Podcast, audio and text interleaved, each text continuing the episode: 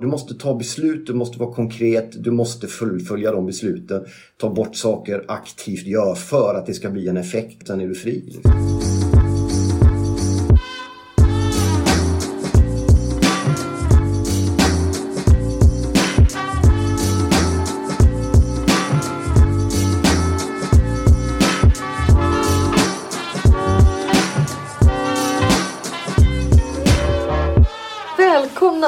Lyssnare till ett nytt avsnitt av VLTs podd Bjurvall och Company.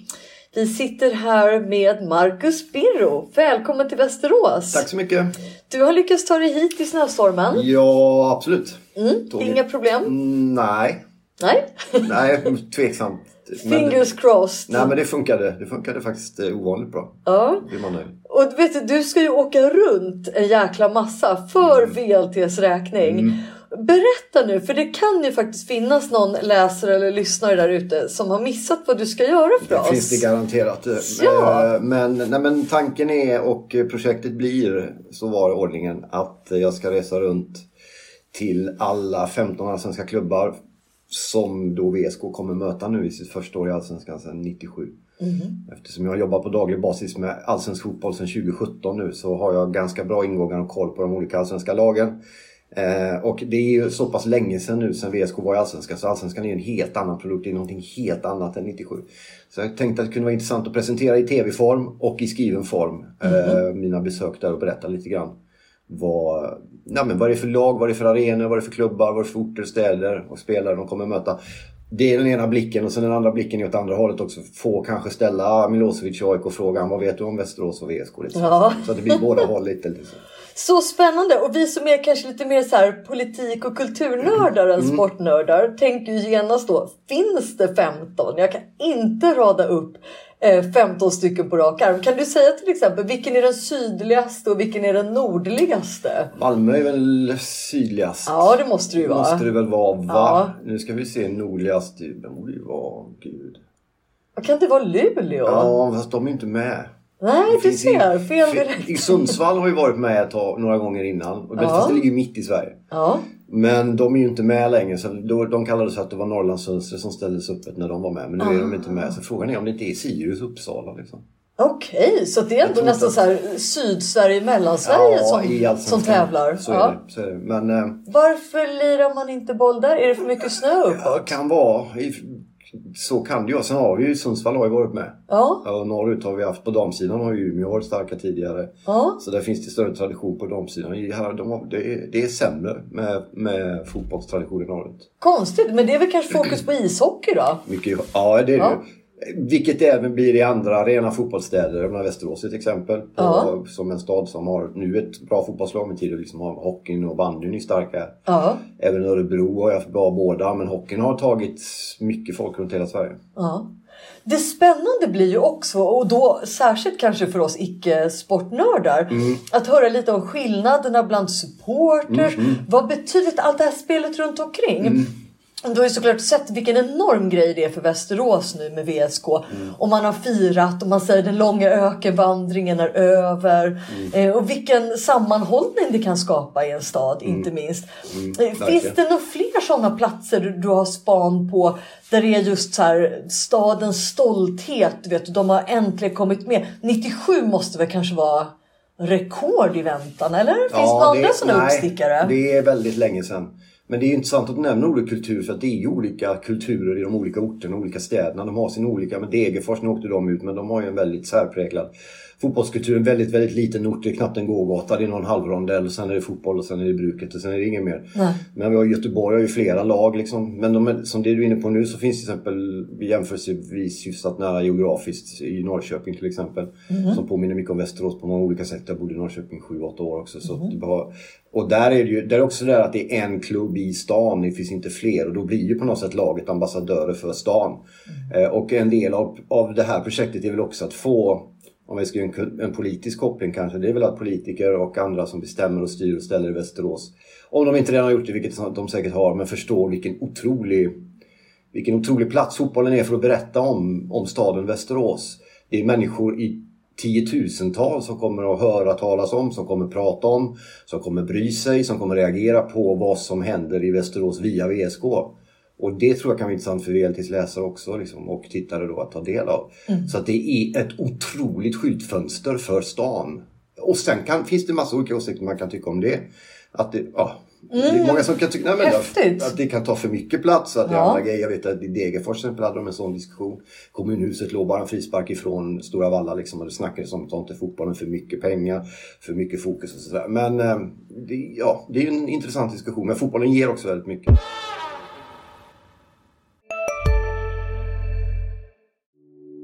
Hej, Ulf Kristersson här.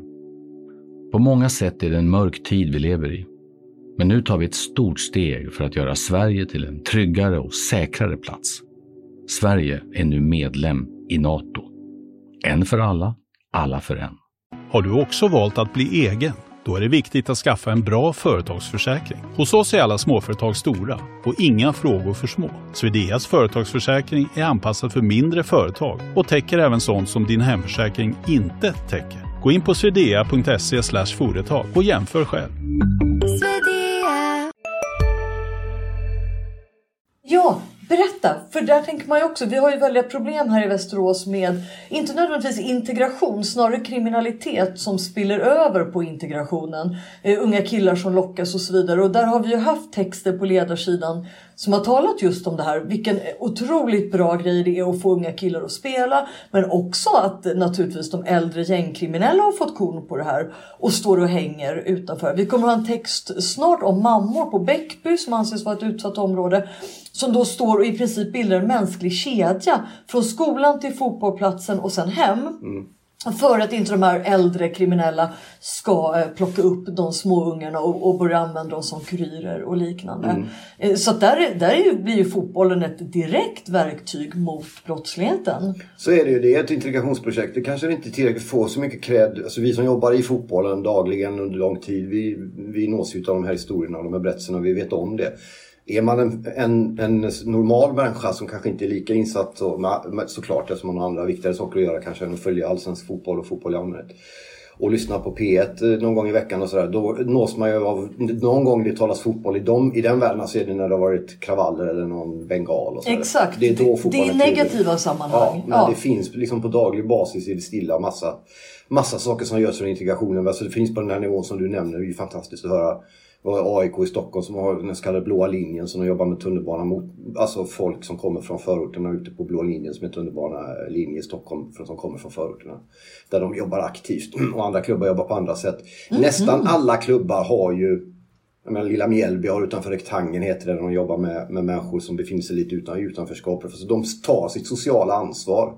Och de gör, men det, det kanske inte riktigt når ut till de stora... Nej, det tror jag inte. Det Nej. skulle vara jättespännande om du kan skriva eller, eller podda eller tv-sända lite grann om det tror jag. Ja. Eh, just för att man får nog känslan när man står utanför den världen att det är sport det handlar om. Morsor och farsor kör ungarna till spelplanen och spelar dem lite och de bästa blir proffs. Mm. Och då jobbar man. Alltså man, man ser det väldigt mycket som en någon slags isolerad del. Mm. Um, det finns mycket fördomar om det också. Ja visst. Alltså att det är bara liksom, ja, men, Att det bara är tidsfördriv och ja, det tar tid från pluggandet. Och folk som står och gapar och skriker på läktare och sådär. Och det, det, finns, men det finns också en väldig massa andra viktiga och fantastiska delar i fotbollen. Ja, nu kommer vi på fankulturen. Det mm. är ju också väldigt intressant tycker jag. Mm. Hur står sig VSKs supportrar då? Är de, eh, sticker de ut som bråkiga, extra schyssta? Är de eh, speciella på något extra sätt? Extra schyssta är bara, liksom, jag följer, jag håller på ÖIS och de har legat i samma serie som VSK. Klarar sig precis kvar i den serie, Superettan, mm. som VSK då lämnade för Allsvenskan. Ja. Så att jag har följt dem lite såklart och har koll på dem. Och även när man pratar med andra eh,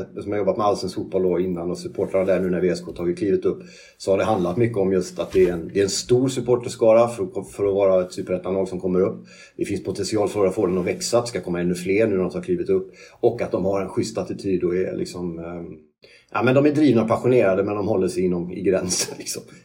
Sådär, alltså prata lite i rubriker som kring hur snacket går kring supportrarna i BS. Ja, får man verkligen ställa den här frågan då? Vilka är de värsta supportrarna? De, de bröligaste som inte tar hänsyn till lagordning, som pucklar på andra rivaliserande supportrar. Så det med puckla på var värre förr. Det har faktiskt blivit mycket, mycket värre, eller bättre. Det som har blivit värre är väl möjligen då det som sker på arenor ibland och då är det ju oftast det är Stockholmslag. AIK har väl varit företrädesvis oftast förekommande. Det var någon match mot Malmö och det finns även några derbymatcher. Så där. När det är, då kan det vara jag vet inte om jag säger att de är värst, men de, AIK har ju haft problem delvis med falanger av supportrar.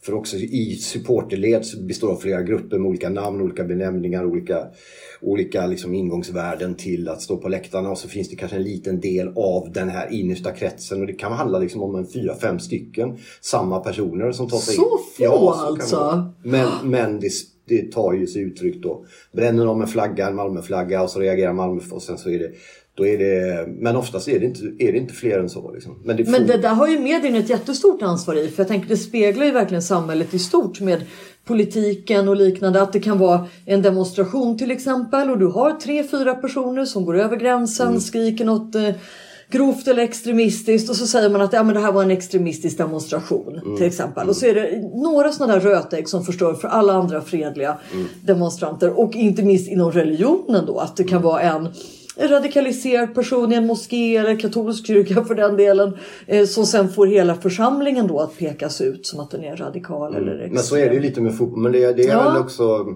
Det blir väldigt snuttifierat fort liksom. Eh, Och då blir det att man klumpar ihop sig med alla fotbollssupportrar.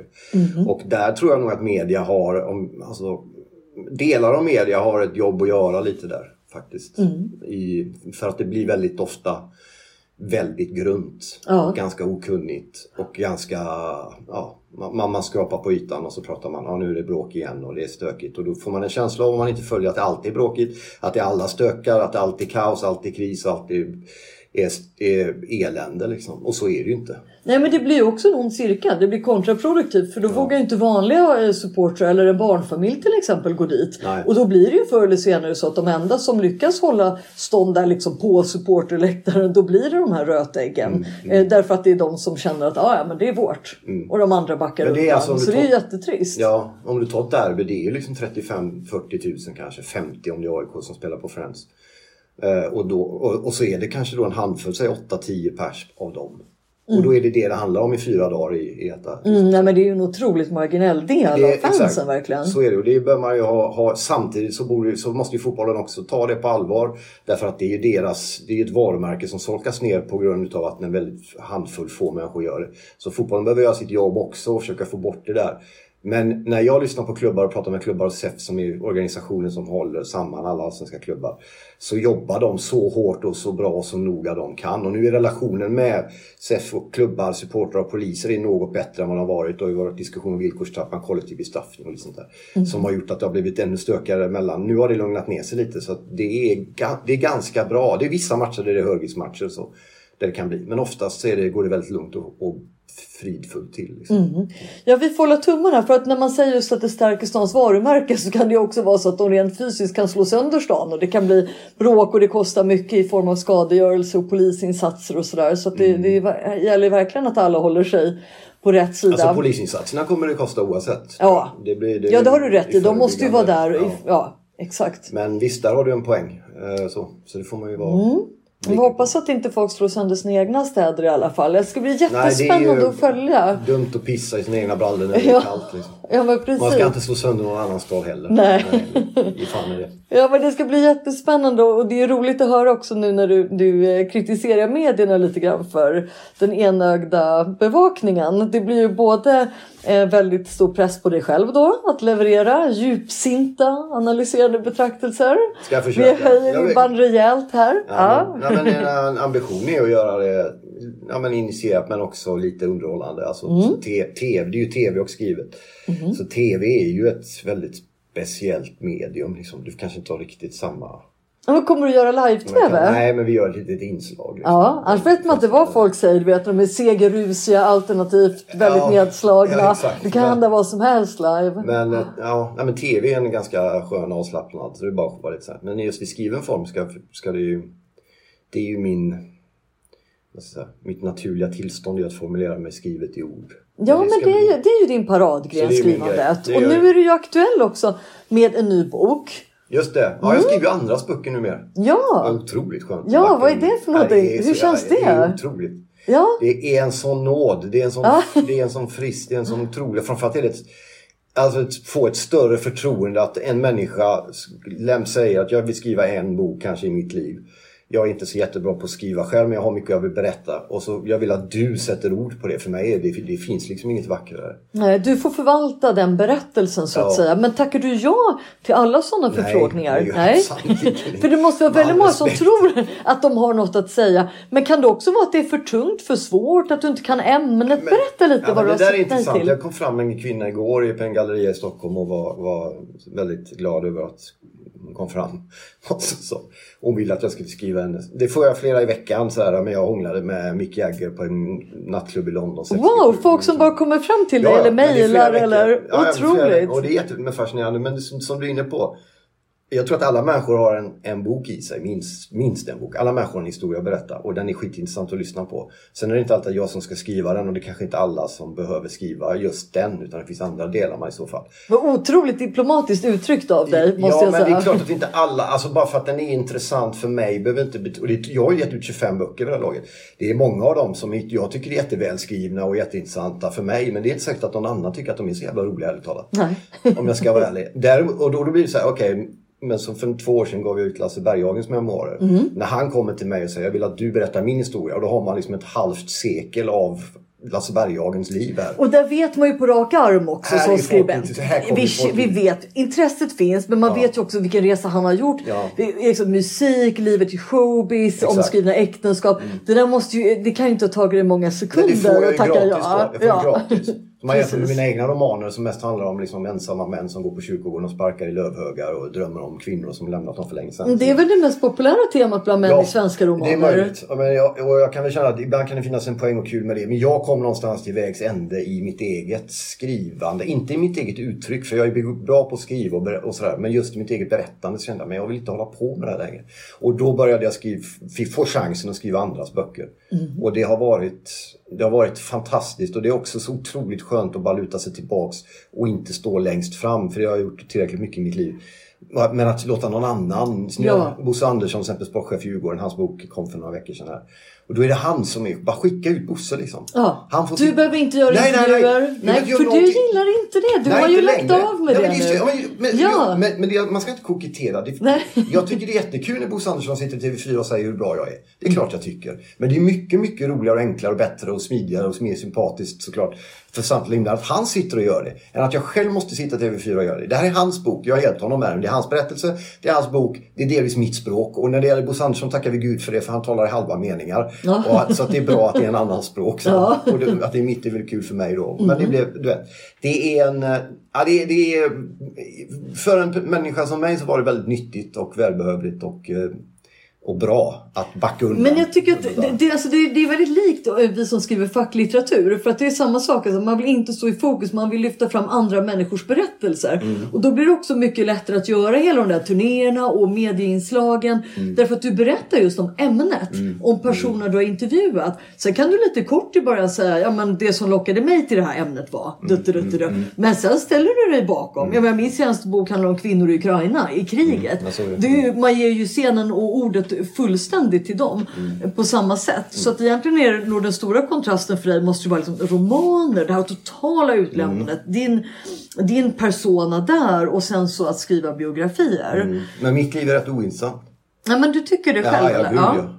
Men är det inte konstigt att du har slutat konsumera liksom medier och, och sociala medier då? Jag har inte slutat helt. Nej. Jag ska säga, vi pratade du och jag på För då borde du vara nyfiken på men andra jag, menar jag. jag är nyfiken på andra människor men jag, blir, jag får det tillfredsställt när jag träffar de här människorna och får jobba med dem under ett års tid. Mm. Som med Bosse eller med Lasse Berghagen eller um, Mats Magnusson och vad det nu är för folk. Det är ganska mycket så här män i en viss ålder här. Du ska inte skriva Ja. typ en ung kvinnlig fotbollsspelares nej. biografi. Det, nej. Jag tror att dels, den behöver definitivt berättas.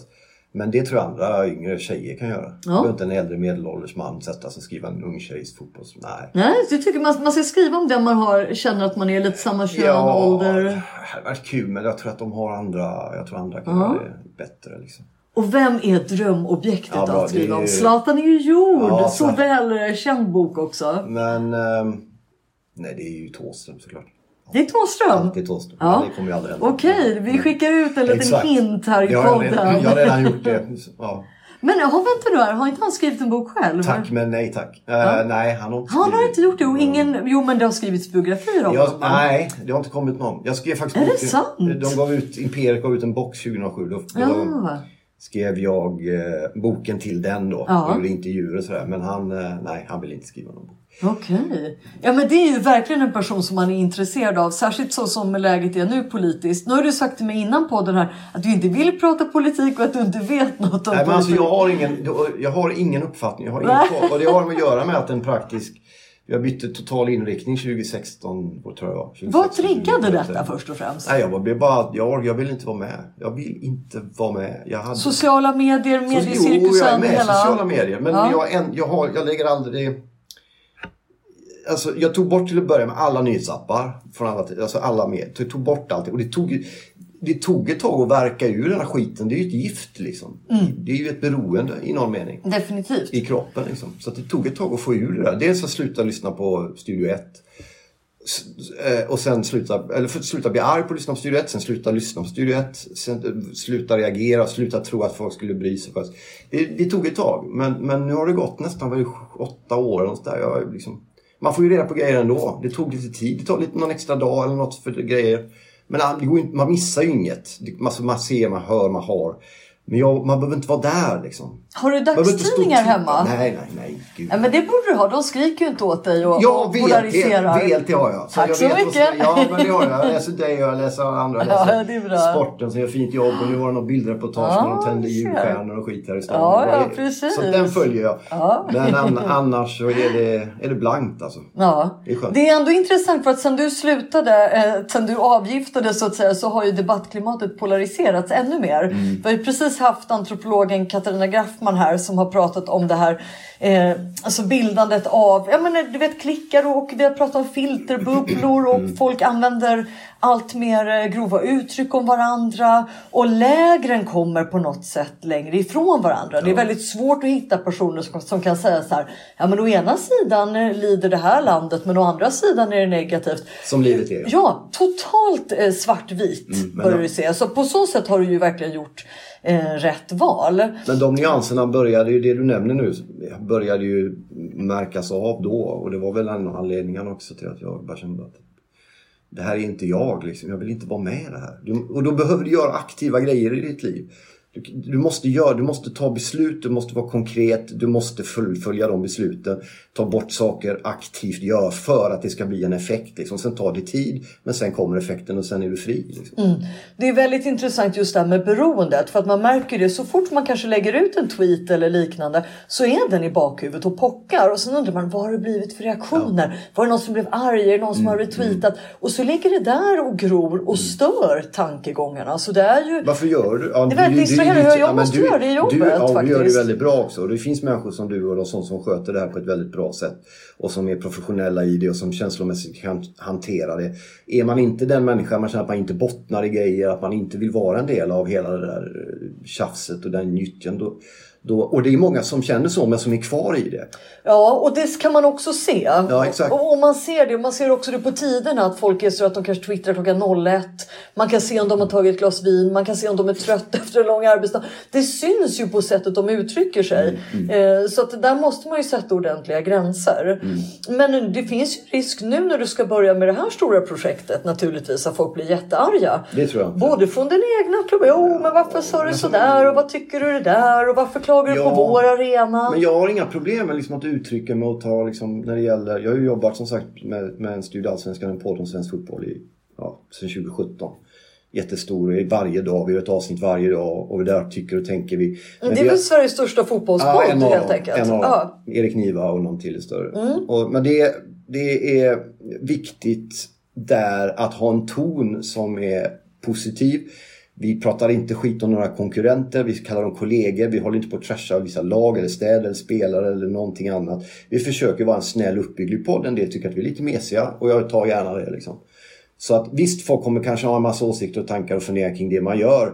Men det är ändå i någon, det är, en, det, är en, det är ett sammanhang med fotbollen och med kärleken till den som jag verkligen har och som jag brinner för och som jag kan stå för.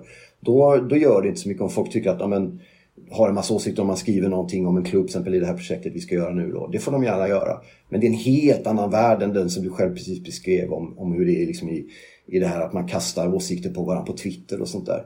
Jag är ju på Twitter men jag fyller ju det bara med det är bara bara fotboll. Liksom. Jag gick in och kikade. Det var verkligen så. Det var inga små tjuvnyp Nej, eller påhopp. Och det är medvetet. Det är, det är verkligen så här, du keep it clean eh, i denna Och det- allt smutsigare värld som Ja, och är. det, och det är klart att det är ingen... Och det, och, men sen, då får man ju mycket mindre flöde. Liksom. Det är ingen som följer, det är ingen som... Men, men de, an- de Ja, som... algoritmerna premierar ju Ja, är kontroversiella ja. inlägg, Men de är negativa någon inlägg, annanstans. Och de, påhopp. de ja. får vara någon annanstans. Och det är jättebra för mig. Jag har inga problem med det liksom. Eh, så att, och det här gäller inte alla, det vet jag. Det är liksom eh, det är invandrare och det är kvinnor som får liksom fullständigt oresonlig massa skit på Twitter. Så det stämmer inte alla. Men för mig är det att man får lite vad man kommer med. Och, och håller du dig borta under tid från vissa, då är det massa som lämnar dig. Men de som är kvar, de vet att okej, här händer, jag får en laguppställning på Mjällby mot VSK i april. Där. Eller någon känslomässig text om Totti och Roma igen och sånt där. Det, det han är kul. Många lämnar, men många blir kvar. De som lämnar får lämna. Liksom. Jag tycker bara det är skönt. Jag vill inte vara där. Jag vill inte Nej. vara den människan. Liksom.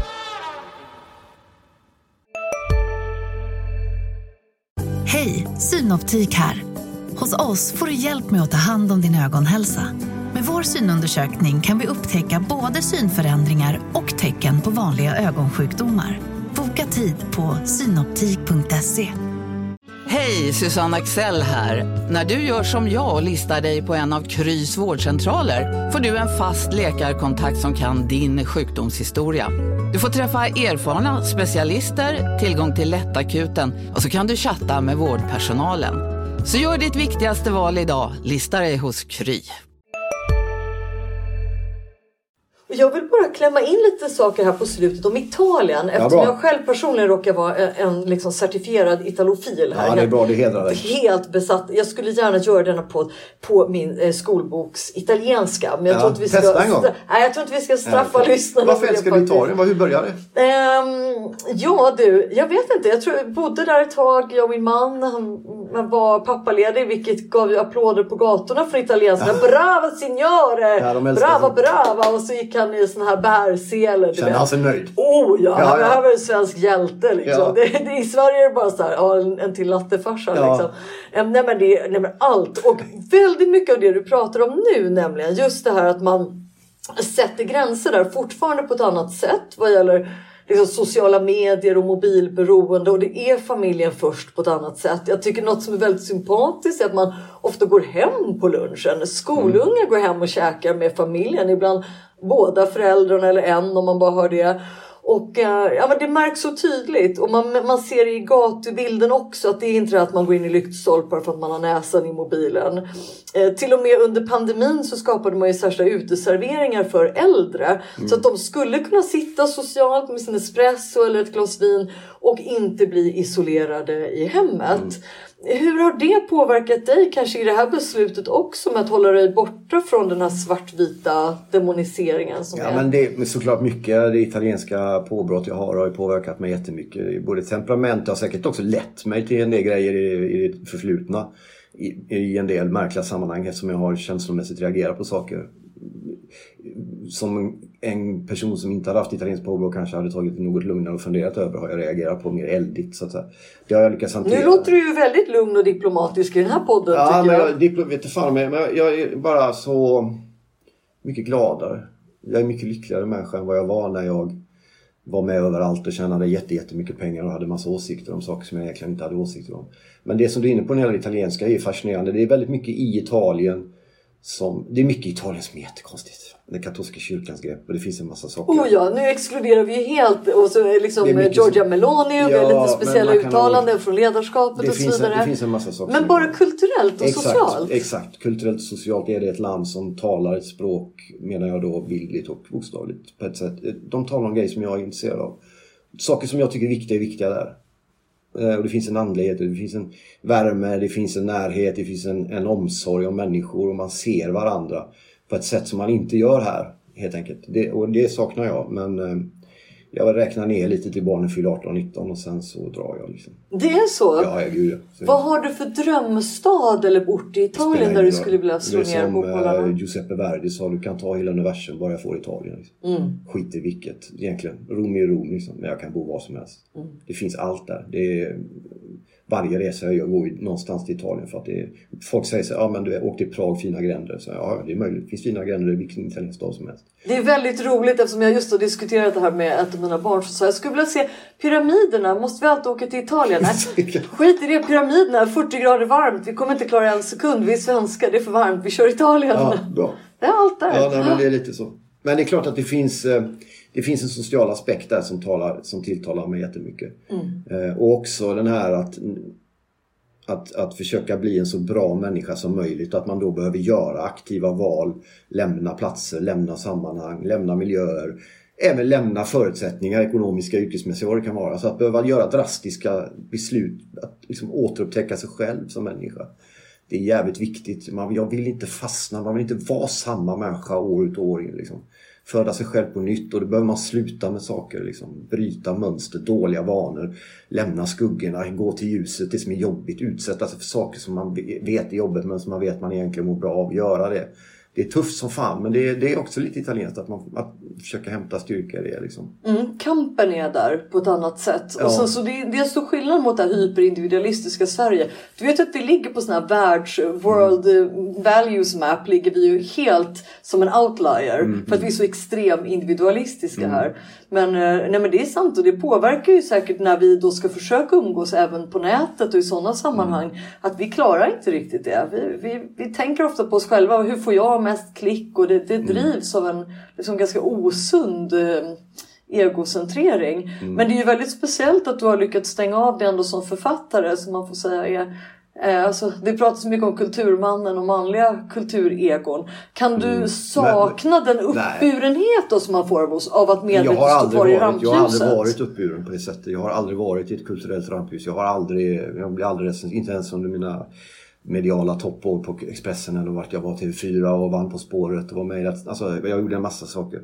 Jag har aldrig blivit accepterad på kultursidorna och det fanns en tid där jag var arg på det och den tiden är förbi. Jag har liksom inga problem med jag har förlikat mig med, med det. Jag kommer ihåg det var någon sa någon gång där någon tidning hade skrivit att uh, ja, Marcus Birro har gjort för poesin vad Ingvar, Ingvar Kamprad gjorde för, för heminredning. Oj, det var hårt. Ja, det var så exakt, så reagerade du. Det är roligt, ja. för jag vet jag tänkte. Åh! Fan vilken jävla komplimang! Och då sa jag det till den personen ja, som hade ja, tipsat mig. Ja, det stod i DN sa han, så det var nog ingen komplimang. Nej, men... Och jag tänkte, men vad fan, ta vilken svensk småstad som helst. Kalla det Västerås, åk in en kall novemberkväll och titta ut genom fönstren hos vanliga människor. Vad är det för lampa som lyser i fönstret? Exakt. Det är Kamprads jävla lampor. Och jag bara tänkte, det är väl underbart om man vill, alltså man vill Det är vill fantastiskt. Det är verkligen fantastiskt. Och det är ju så jäkla mycket finare än att få en Augustprisnominering med den har sålt i 300 aldrig hända. Jag, men nej. nej. Du har väl ett långt yrkesliv framför dig. Ja, vet tack. om du får Guldspaden för det här Stora ja, Journalistpriset? Men jag är... Hägrar det inte lite? Nej. Nej. Eh, inte faktiskt, nej. nej. Jag, jag, skriver för att, att beröra och bli läst. Jag har inga, inga, inga ambitioner att vinna några priser överhuvudtaget någonstans. Mm. Jag har vunnit några i, i mina dagar och så. Jag har alltid mm. varit så läsare eller folk på sajter själva. Och så. Mm. Berör och bli läst, det är väldigt bra ledord. Man säger med ledarskap då? Beröra och uppröra. Mm. Och lyssna. Men hur, du som, mår du bra i det då? Måste vi fråga dig det. Alltså, för du... Eh, jag försöker sätta en, en väldigt uh, stark gräns mellan det privata och det professionella. Okay. Det, finns inte, ja, det finns inte ett, en, en enda bild på mina barn eller mina närstående i sociala medier. Aldrig lagt upp alltså. Mm. Det, det är så djupt förvånande för mig hur människor klarar av att um, ena dagen diskutera politik i TV4 till exempel och ha en ganska hård inställning och sen lägga upp en bild när en unge sitter halvnaken och får en födelsedagstårta i sängen. Alltså den här kletiga sammanblandningen.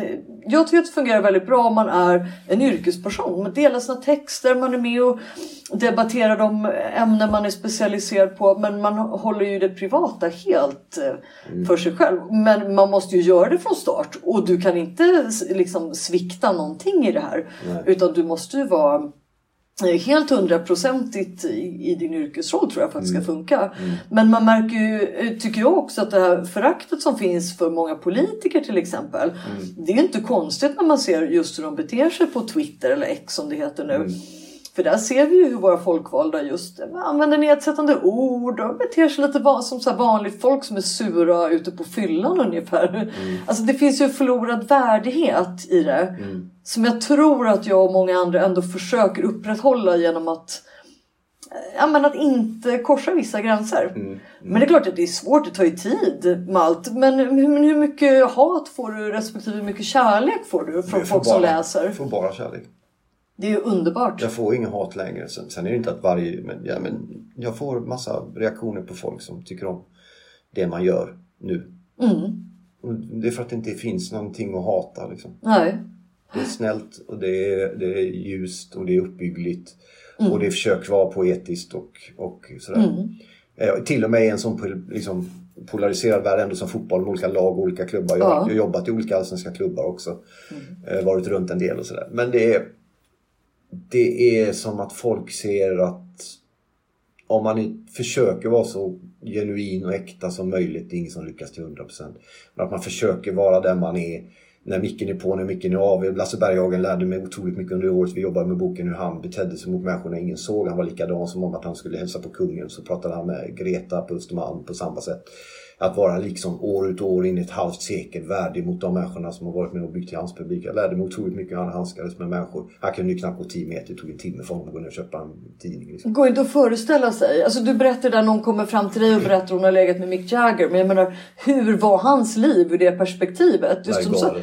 Ja. Var, var det inte? Gick han inte ut med solglasögon och Men det peruk? spelar ingen roll, alla känner igen honom. ja. Han var ganska lång också. Ja, han var jättelång. Ja. Eh, och hans värdighet och värme och hur han tog sig tid att ringa efter. Jag menar, hela den här... Alltså, människor som beter sig värdigt trots att de inte har poäng att hämta. Människor som är genuina i det de gör för att de, de mår bra av det själva och vill ge någonting. Som ringde en kväll 2011. och hur mår du? Jag, vill, jag fick en känsla att jag ville ringa dig. Bara kolla läget. Alltså, så, det, jag, jag- ja, jag lärde mig mycket av honom. Sen är jag inte i närheten av det såklart. Men, men ja, var värdig, var, var glad, var skön. Och framförallt, ge fan i att vara i världar som du inte mår bra av. Lämna den skiten. Liksom. Om det inte passar dig och du, inte, och du känner att det är någon som gnager. Gå därifrån. Det blir bättre liksom. Otroligt bra slutord och något som vi alla egentligen kan inspireras av. Man märker ju själv bara man eh, möter, det finns ju det här engelska uttrycket kill them with kindness. När någon säger ja men dra åt helvete din jävla bimbo. Så kan man fråga men varför brukar du prata så till kvinnor? Vad, vem var det som lärde dig från början att tala på det sättet? Varför? Du har väl aldrig träffat mig? Nej men okej jag kanske tog i lite för mycket då men jag, man märker det har effekt direkt alltså. Man, man för, försöker hela tiden att ta tillbaka någon slags vänlighet och värdighet i samtalstonen. Det är jättefina och inspirerande ord. Vi vill tacka jättemycket för att du tog dig tid Jag vill idag. också säga att vi, vi, sådana som jag som inte vågar och vill är ju glada över att det finns sådana som du och andra då som gör det istället. Och det tror jag många kan tala för också som läser, vare sig de håller med dig eller inte. Så de är glada att sådana som du finns, så att inte alla gör som jag och backar för då har vi ju ingen samtalsdiskussion. Då har vi inget offentligt samtal. Men Det är man, sant. Men man behöver, man behöver ta det egna ansvaret för att avgöra om man är lämpad för det eller inte. Mm. Du som du nu berättade varför du är lämpad för det. Jag har berättat varför jag inte är lämpad för det. Mm. Men vi är också glada över att sådana som du och andra finns på det här och på andra ställen som gör att samtalet offentligt kan föras vidare. För det är klart att det är viktigt. Liksom. Och vad fint att vi båda är på VLT då. Ja, det är kul som nu. fan ju. Det är väldigt roligt. Nu ska vi bara se om du kommer härifrån i snöstormen. Det är lite Ja, det- sorgligt att ha suttit här och pratat eh, och så tittar man bakom sig. Vi har snackat Italien, värmen, Rom och eh, det blir mer och mer snö. Alltså det är Men, eh, när det blåser så jävligt. Alltså. Ja. Påminner om Göteborg på 90-talet. Det är inget bra alltså. snurrar på halsduken ett varv till och ger oss ut. Precis. Stort lycka till med projektet. Vi ska alla Tack lyssna, titta och läsa på dig. Tack så mycket. Tack så mycket. Tackar. Hej. Det här är en podd från VLT. Ansvarig utgivare Daniel Nordström.